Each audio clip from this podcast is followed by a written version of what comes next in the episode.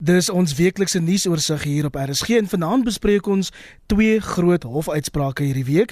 Die een oor kinders en lyfstraf en die ander oor die ou Suid-Afrikaanse vlag. Ons kyk ook na Panyaza Lesofie se kritiek op 'n nuwe Afrikaanse universiteit en ons ontleed 'n regrykplan vir munisipaliteite asook die jongste tussenverkiesingsuitslae. Heel aan die einde van die program bespreek ons ook die protes oor klimaatsverandering. Hier by my in die ateljee is twee politieke kommentators, die oud koerantman Harold Pakendorf Goeienaand daar. Goeienaand daar. En ook Roland Henwood van die Universiteit van Pretoria. Lekker om jou weer hier te hê Roland. Goeienaand Iwer. Op die lyn is Dr Ina Gous van die Universiteit van die Vrystaat. Nanse Ina. Goeienaand. Kollegas, kom ons begin met die konstitusionele hof se uitspraak dat dit ongrondwettig is om kinders tuis 'n pak slaag te gee. Die onomkeerbare uitspraak het baie ouers ontstel terwyl ander die nuus verwelkom het. Roland, ons begin met jou. Die organisasie Vryheid van Godsdiens in Suid-Afrika het die hof gevra om te erken dat redelike en wat hulle noem matige tugtiging tuis nie onwettig is nie en hoofregter Mogoeng Mogoeng het beslis nie daarmee saamgestem nie. Hoe voel jy oor die nuwe uitspraak? Ja, dis 'n interessante uitspraak dink ek vir enigiemand wat kinders het en soos wat ons maar almal groot geword het met 'n uh, goeie pak slaap sy tyd. Dis dit half 'n ek dink 'n onverwagte en 'n vreemde uitspraak. Maar ek dink as 'n mens gaan kyk binne die konteks van die grondwet, die menseregte handves in Suid-Afrika en ook die die ehm um, geskiedenis van uitsprake in die konstitusionele hof, dan is dit waarskynlik nie heeltemal so 'n vreemde uitspraak nie.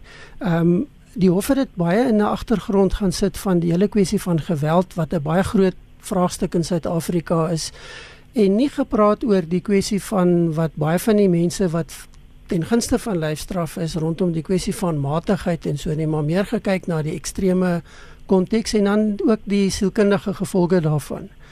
Ehm um, maar dit is definitief een van daai uitsprake wat baie heftige reaksie ontlok vir of teen. Dit lyk my daar's nie 'n middelgrond op hierdie ene nie. Harold ek het nou die week die uitspraak of die reaksie op die uitsprake in die Afrikaanse media dopgehou.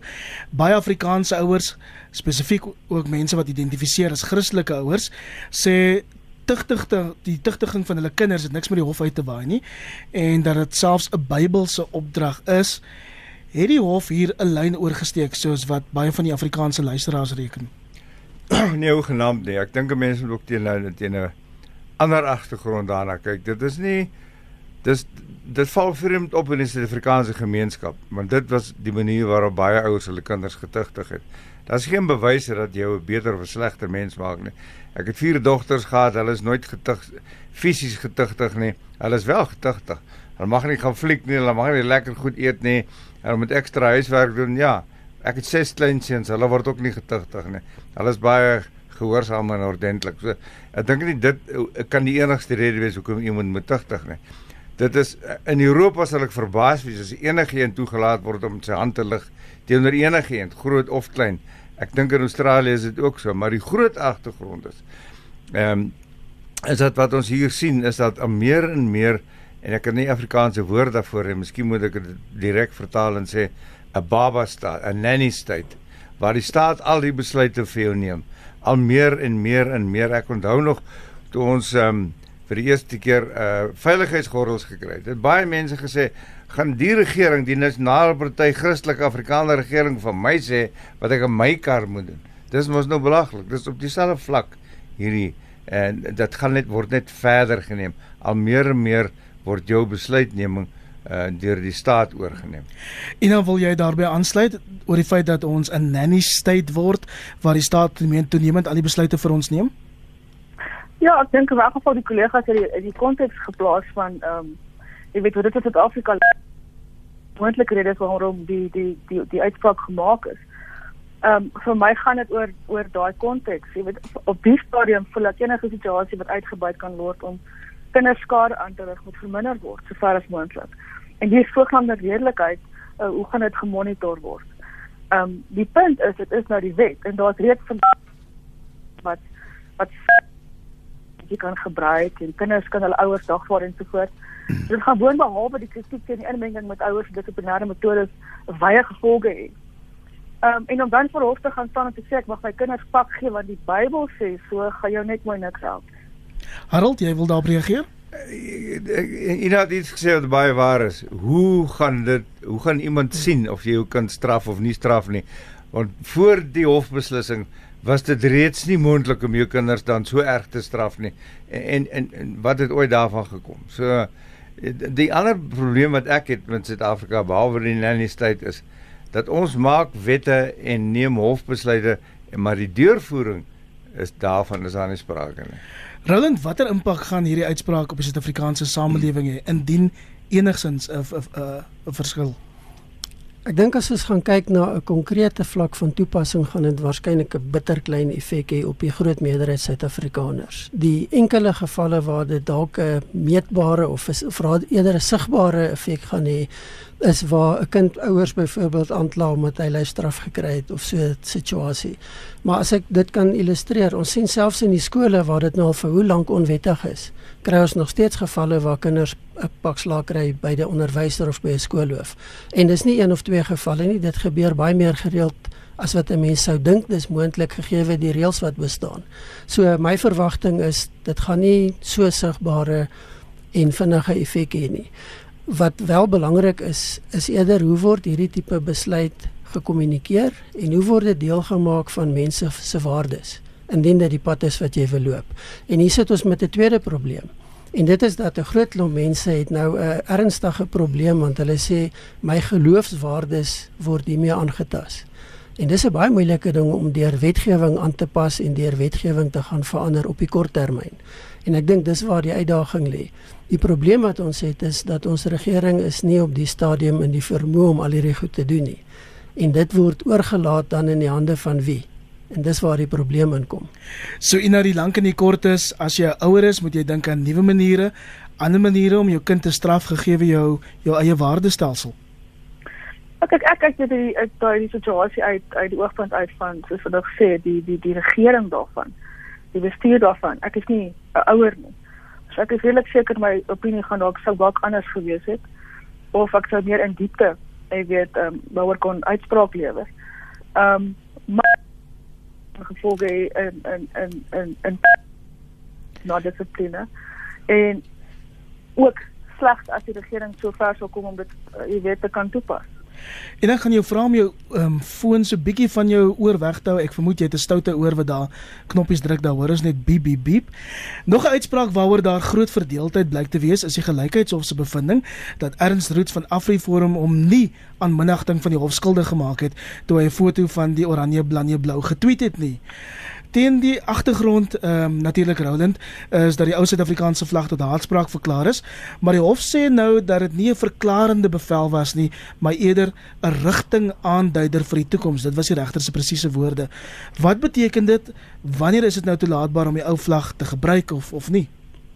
Dis baie onduidelik na wat hierdie week gebeur het. My verstaan van die hofuitspraak was dat gesê is hy het nie dit was hy's nie skuldig bevind aan minagting van die hof nie maar daar's nie 'n bevinding gemaak nog oor die gebruik van die vlag nie. Dit kan moontlik later gedoen word.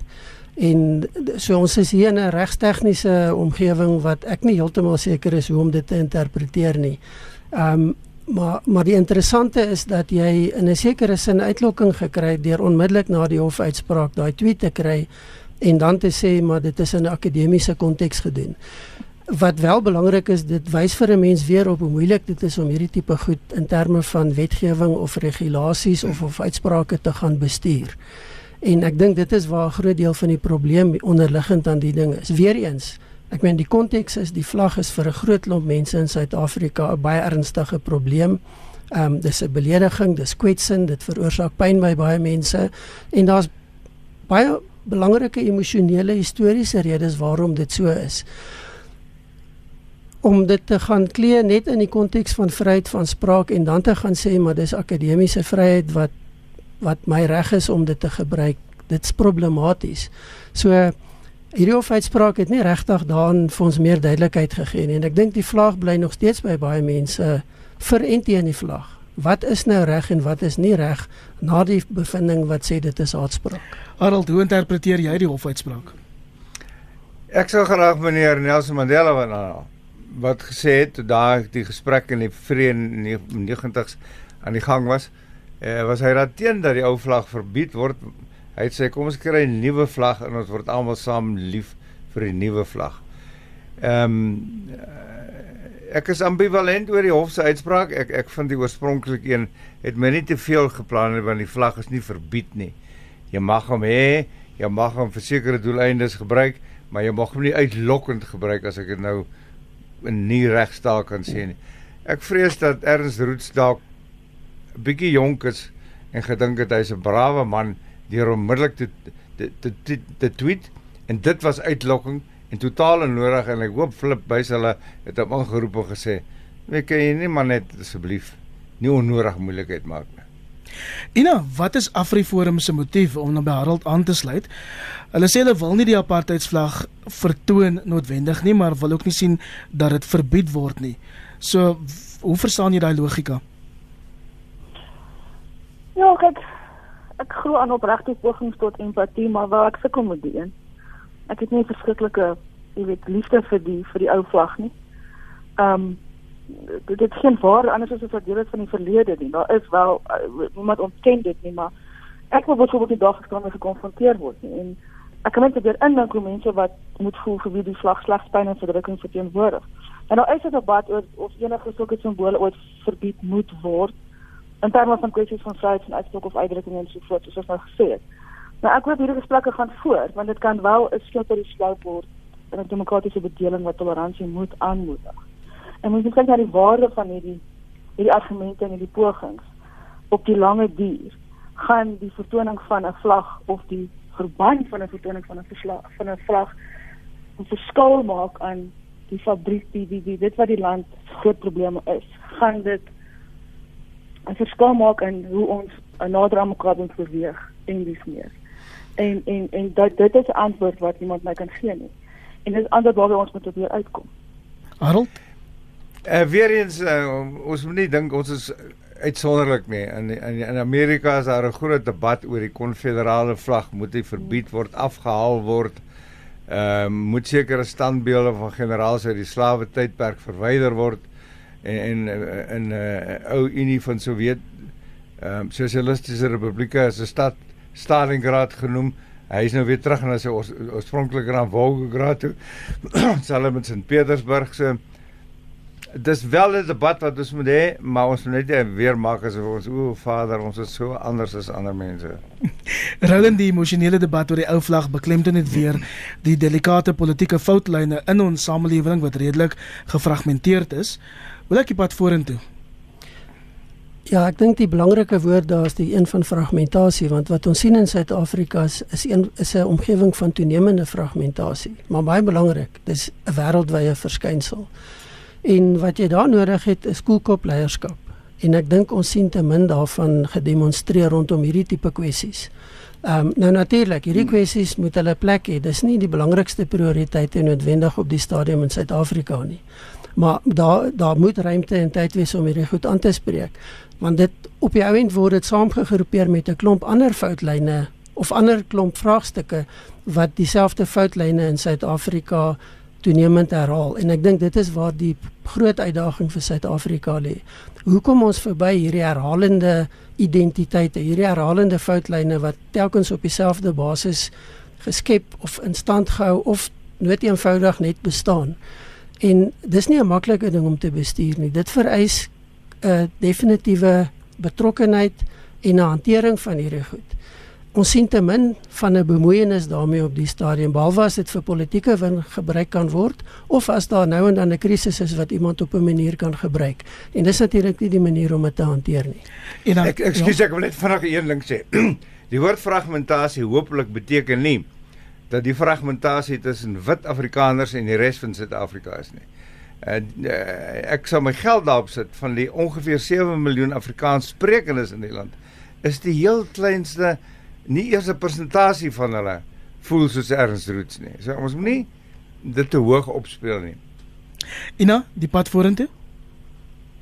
Ja, ek weet dit is wat ek nou gesê het. Ek kom ons sê dit so, wat my betref is ons besig met nonsens. Maar as ek sê ek kan nie ontken dat dit dat hierdie simbole ehm um, sekere gevoelens ontketen by die meerderheid van Afrikaners. Maar hierdie is 'n minderheid van 'n minderheid wat nog aan hierdie goed vasklou. En uh, mens moet op 'n punt kom dat jy dit sien in daai konteks van hoe belangrik is hulle regtig en hoe belangrik is is is hierdie kwessie regtig. As jy pas by ons ingeskakel het, jy luister na kommentaar regstreeks op RSG.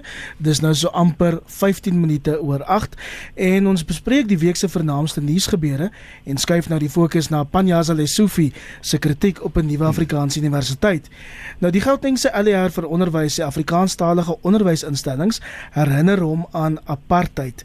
Ehm um, Roland ek sukkel om meneer Lesofie se kop te verstaan om om dit in konteks te stel.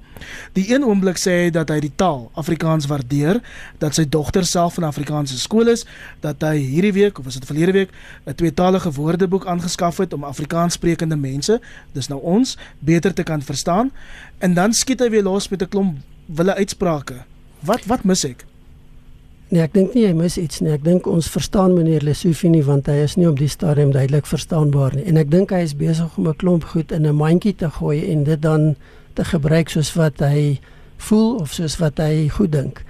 Ehm um, jy kan nie Afrikaans losmaak van die politieke geskiedenis nie. Dit is so, maar jy kan ook nie Afrikaans verantwoordelik hou vir die politieke geskiedenis van Suid-Afrika nie.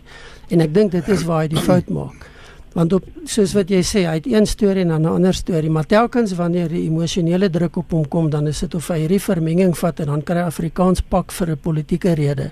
En dit is natuurlik totaal onaanvaarbaar. Ehm um, dis 'n taal wat mense praat. Dis 'n taal wat 'n groot klomp verskillende mense in Suid-Afrika praat.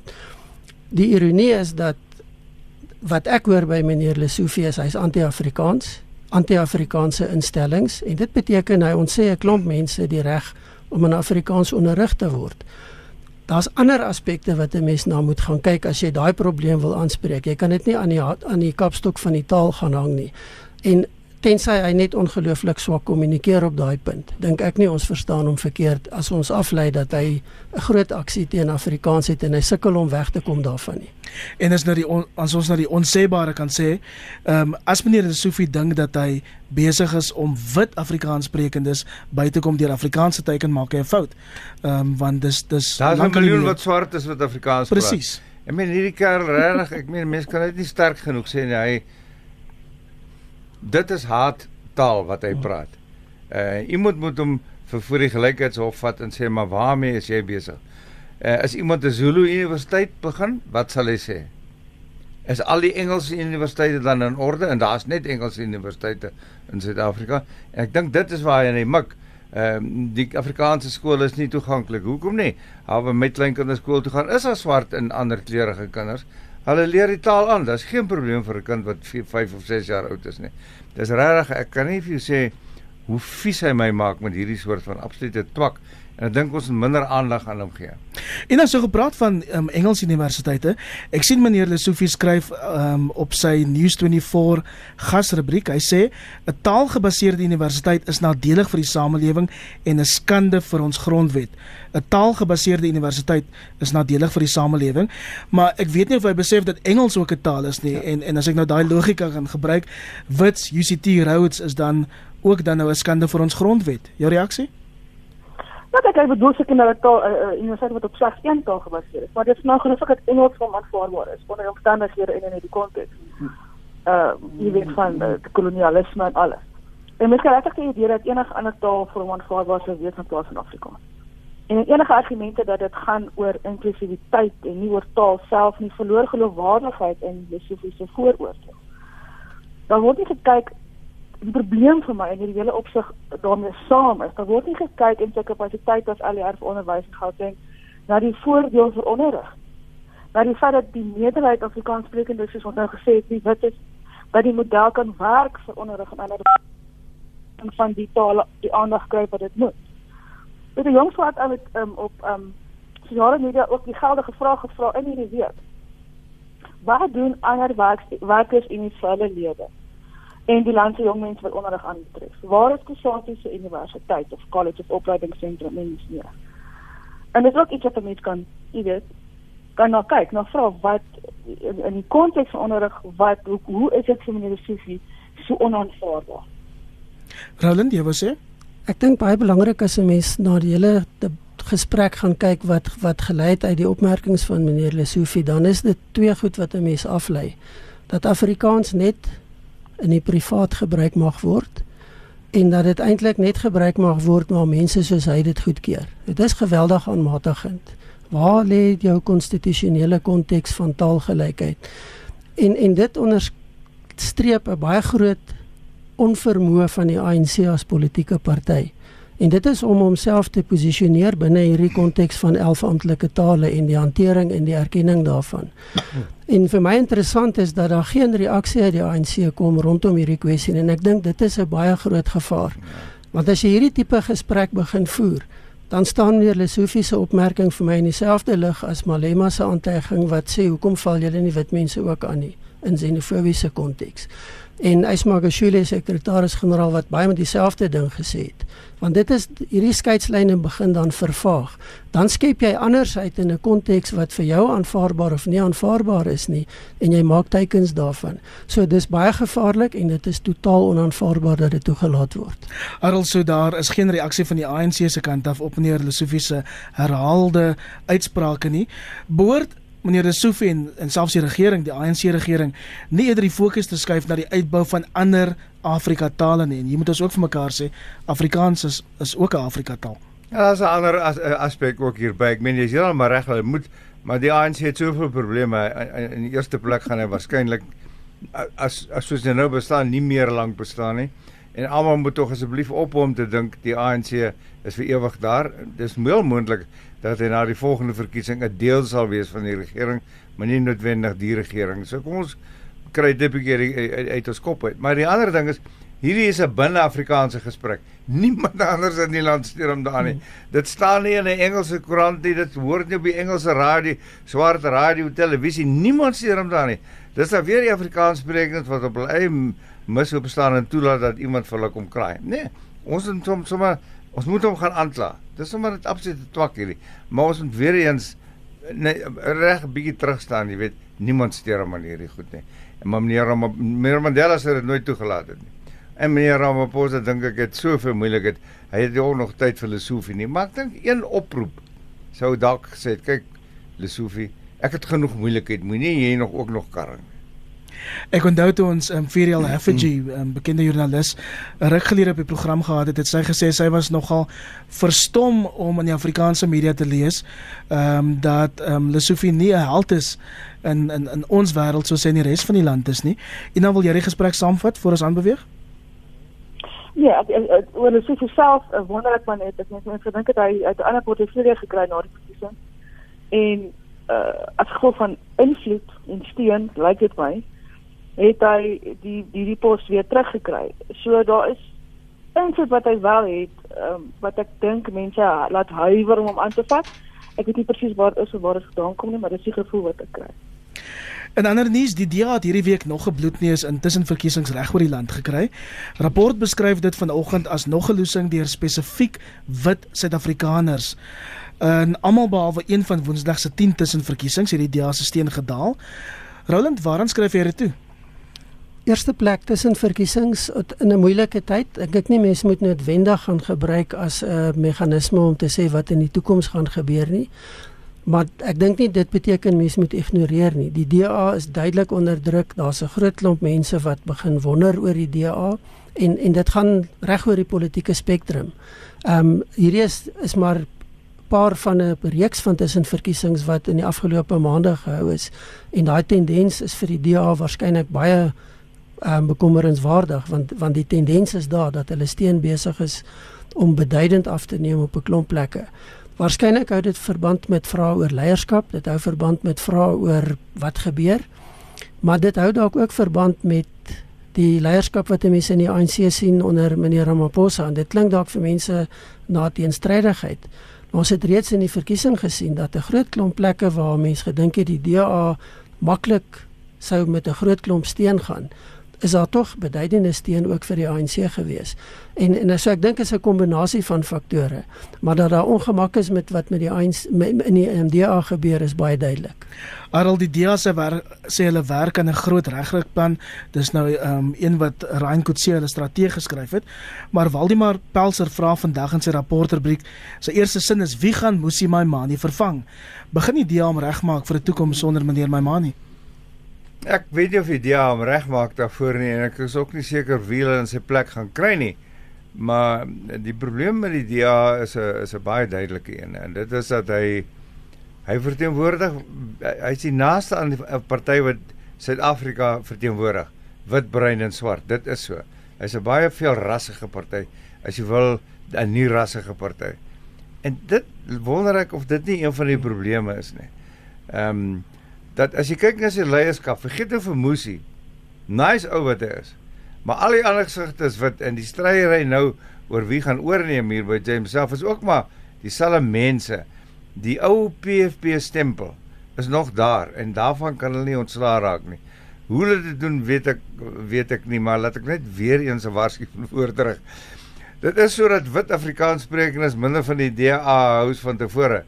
Dit is landwyd nie so deurslaggewend nie plek plek is dit wel soos in die Wes-Kaap en in sekere gebiede waar hulle nog ons in groot getalle is. Maar moenie dink dis al die landwyd is dit die deurslaggewende een nie. 80% van die bevolking is swart. I mean, dis waar jy moet groei. Nou dit lyk of die Vryheidsfront Plus alle beter begin vaar om na Harold se woorde te gebruik plek plek beter begin vaar.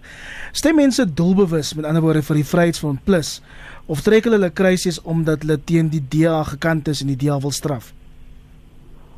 Ja, dit is moeilik, ek dink dit van as ek 'n situasie dat dit 'n leierskap situasie soos ons nou gesê het, weet daar's 'n leierskap wat inspireer of rigting gee of gewoon wys dat die party is wat hulle sê hulle is. En daar is 'n onderlinge verskille oor beleidsrigting en posisies aangaande ernstige kwessies soos onder andere met dit daaronder en so voort. Daarteen oor vir die DA regering wat algemeen goed in die Weskaap.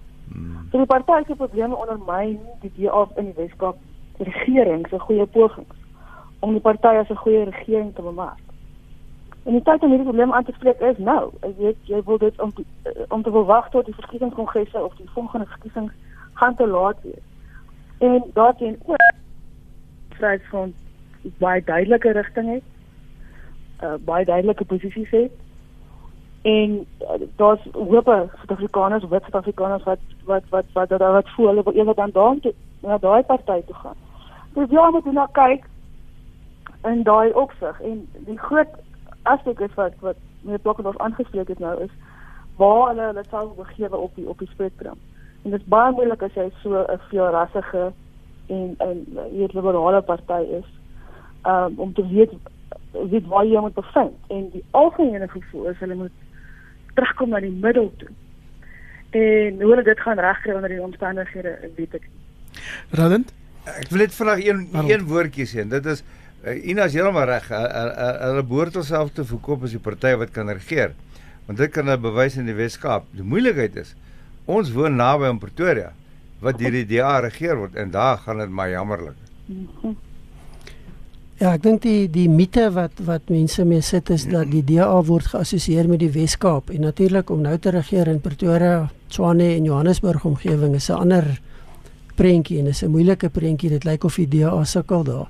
Maar ek dink mense moet ook na die breër konteks gaan kyk. Ehm um, dit gaan moeilik in Suid-Afrika. Mense kry swaar, daar's geweldige pessimisme. En ek dink dit alles maak dat mense begin herbesin en en wat ons in die res van die wêreld sien is dat dit ongelukkig mense dryf na jou randpartye weg van jou sentrumpartye af. En en dis hoekom ek dink as 'n mens begin praat oor die DA en selfs die ANC, gewoonlik is amper die eerste woorde wat uitkom is leierskap. En en en daar's 'n premie wat daarop geplaas word, reg of verkeerd, daar's 'n premie wat daarop geplaas word en ons sien dit nie op die stadium nie. En dan so gepraat van leierskap meneer my Manie se dubbelpratery oor sy huurhuis of daai huis um, wat nou in die nuus is wat hy sê is 'n huurhuis is ook nie goed vir die DEA se geloofwaardigheid nie. Absoluut. Ek dink dit is 'n uh, uh, uh, iets wat hulle wat my se moederloos maak. As ek die ondersteuner is of self in, in die leierskap is. Maar hoe moeilik is dit om te weet besit jy die huis of huur jy die huis? Het jy dit opgesit op die lys of het jy nie? 'n eenvoudige vraag wat 'n baie duidelike antwoord het.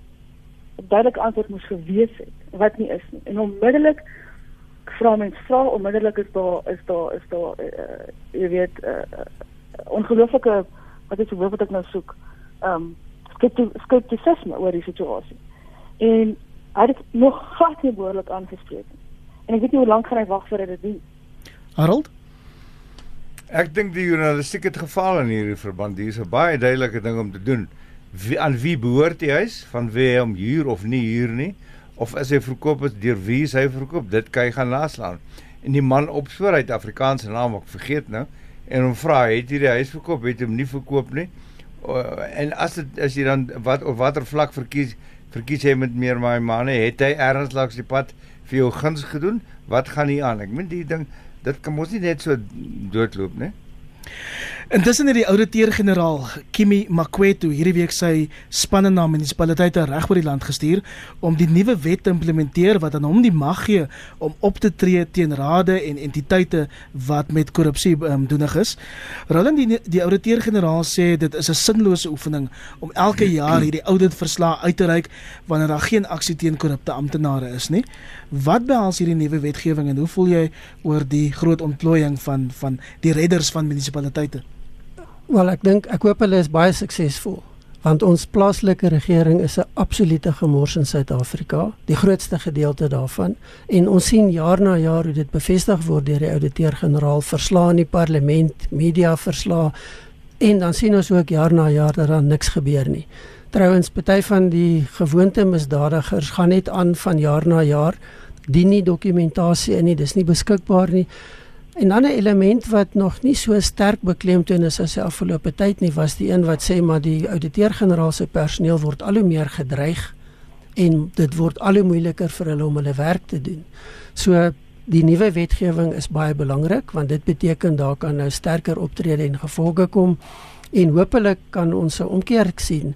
Ehm belangrik is ook dat ehm um, die regering is bewus nie net van die probleem nie, maar daar's darm nou meerdere uh, prosesse wat in plek geplaas word. Ehm um, die president het in sy openingsrede vroeër hierdie jaar gepraat van 'n nuwe strategie en die adjunkpresident het in die week in 'n toespraak detail gegee. So dit lyk asof daar 'n baie meer gekoördineerde poging kom wat nie net in een departement setel of net onder een ministerie setel nie, maar weier begin uitspeel in 'n poging om 'n greep te kry op wat op die vlak van plaaslike regering gebeur en hopelik ook om te op 'n punt te kom waar jy begin kundigheid terugbring. Sodat want dis een van die groot probleme. Dis nie net dat daar korrupsie is nie. Daar's net geen vermoë meer nie. En as jy nie dit gaan regkry en hierdie proses begin bou van onder af en dan kan ons vergeet om die proses verander te kry en beter resultate te kry. So ek dink almal van ons stem saam dat kundigheid nodig het is nodig is om die munisipaliteite reg te ruk. En die regering ontplooi nou 80 van hierdie kenners maar die moeilikheid is dat elk van hierdie kenners omtrent 1.5 miljoen rand per jaar gaan kos om ons munisipaliteite reg te ruk. So doen gou hierdie som 80 maal 1.5 miljoen rand. En dan moet ons hulle van hande klap. 120. 120. Was dit hoofrekeninge? Natuurlik. you know. Ek het hier oor wat ek eintlik 'n toeval kry.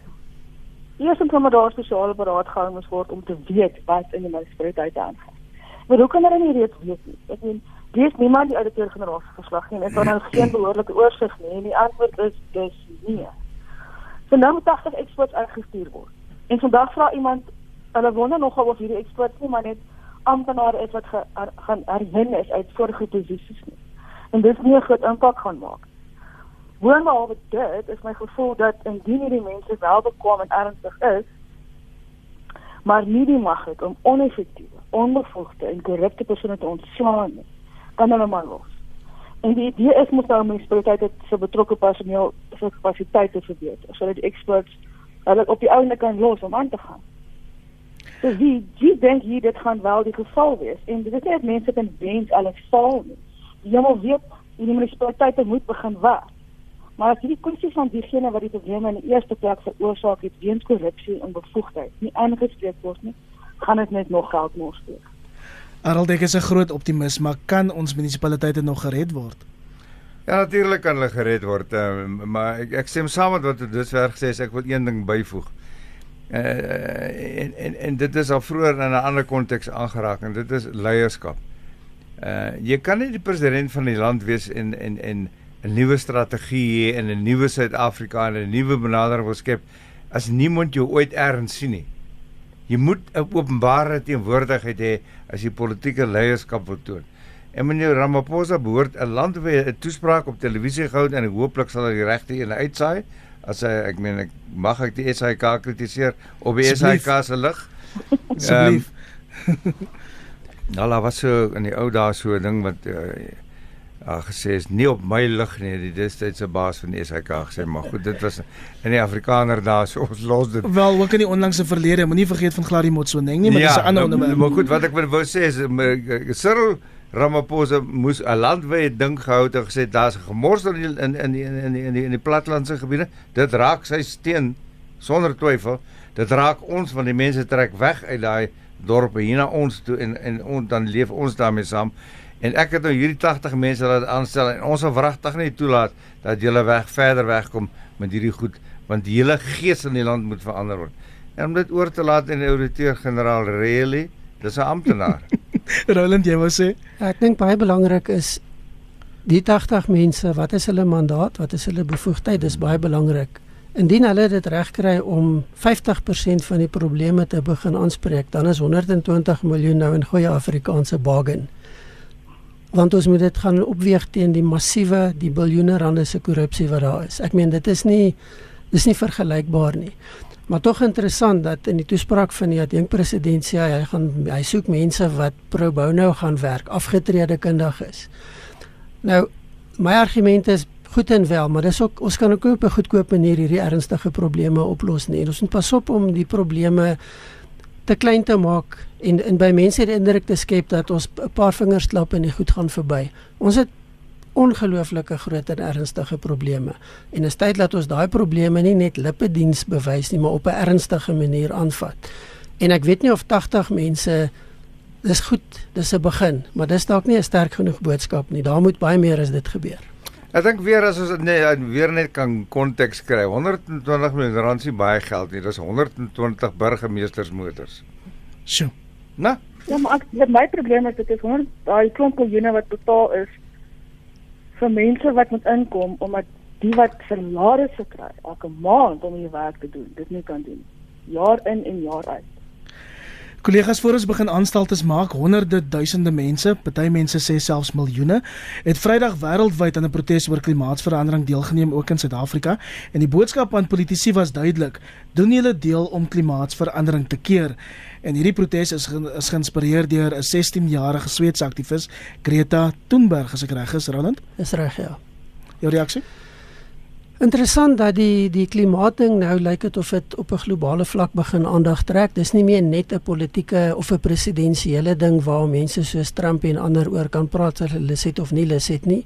Ehm um, dit lyk asof daar 'n baie groot bewustheid begin kom veral in Europa. Ehm um, dis nie net die week se um, betogings of optogte wat 'n mens na kyk nie, maar die geweldige debatte wat in Europa begin heers byvoorbeeld oor die gebruik van lugvervoer um, binne die Europese konteks. So dit lyk asof daar 'n baie groter bewustheid by gewone mense begin kom. En dis waarskynlik 'n baie goeie teken tensy jy een van die is wat nog glo daar is nie 'n probleem nie en dat dit wat daar is gaan van self weggaan. Ek dink daai tyd is verby. Wêreldleiers kom hierdie week in New York byeen om oor klimaatsverandering te praat. Ehm um, glo jy dit kan 'n verskil maak, Harold?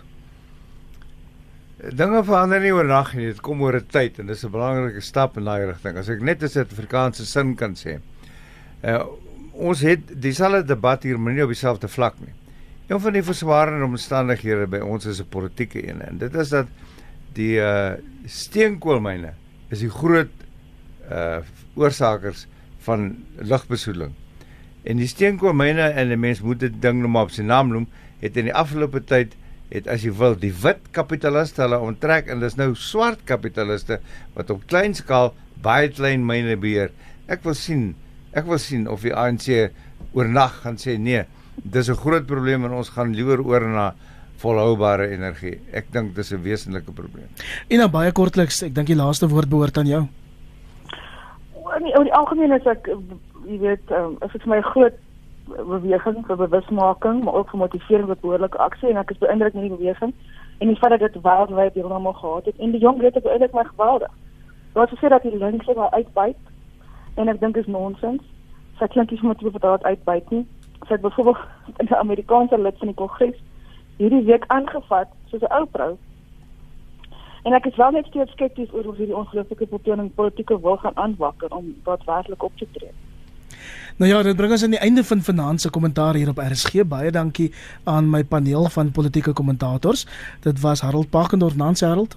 Goeienaand. Baie dankie Roland Henwood van die Universiteit van Pretoria. Dankie Ewer. En ook dankie aan jou Ina Gous, Dr Ina Gous van die Universiteit van die Vrystaat daar Bloemfontein.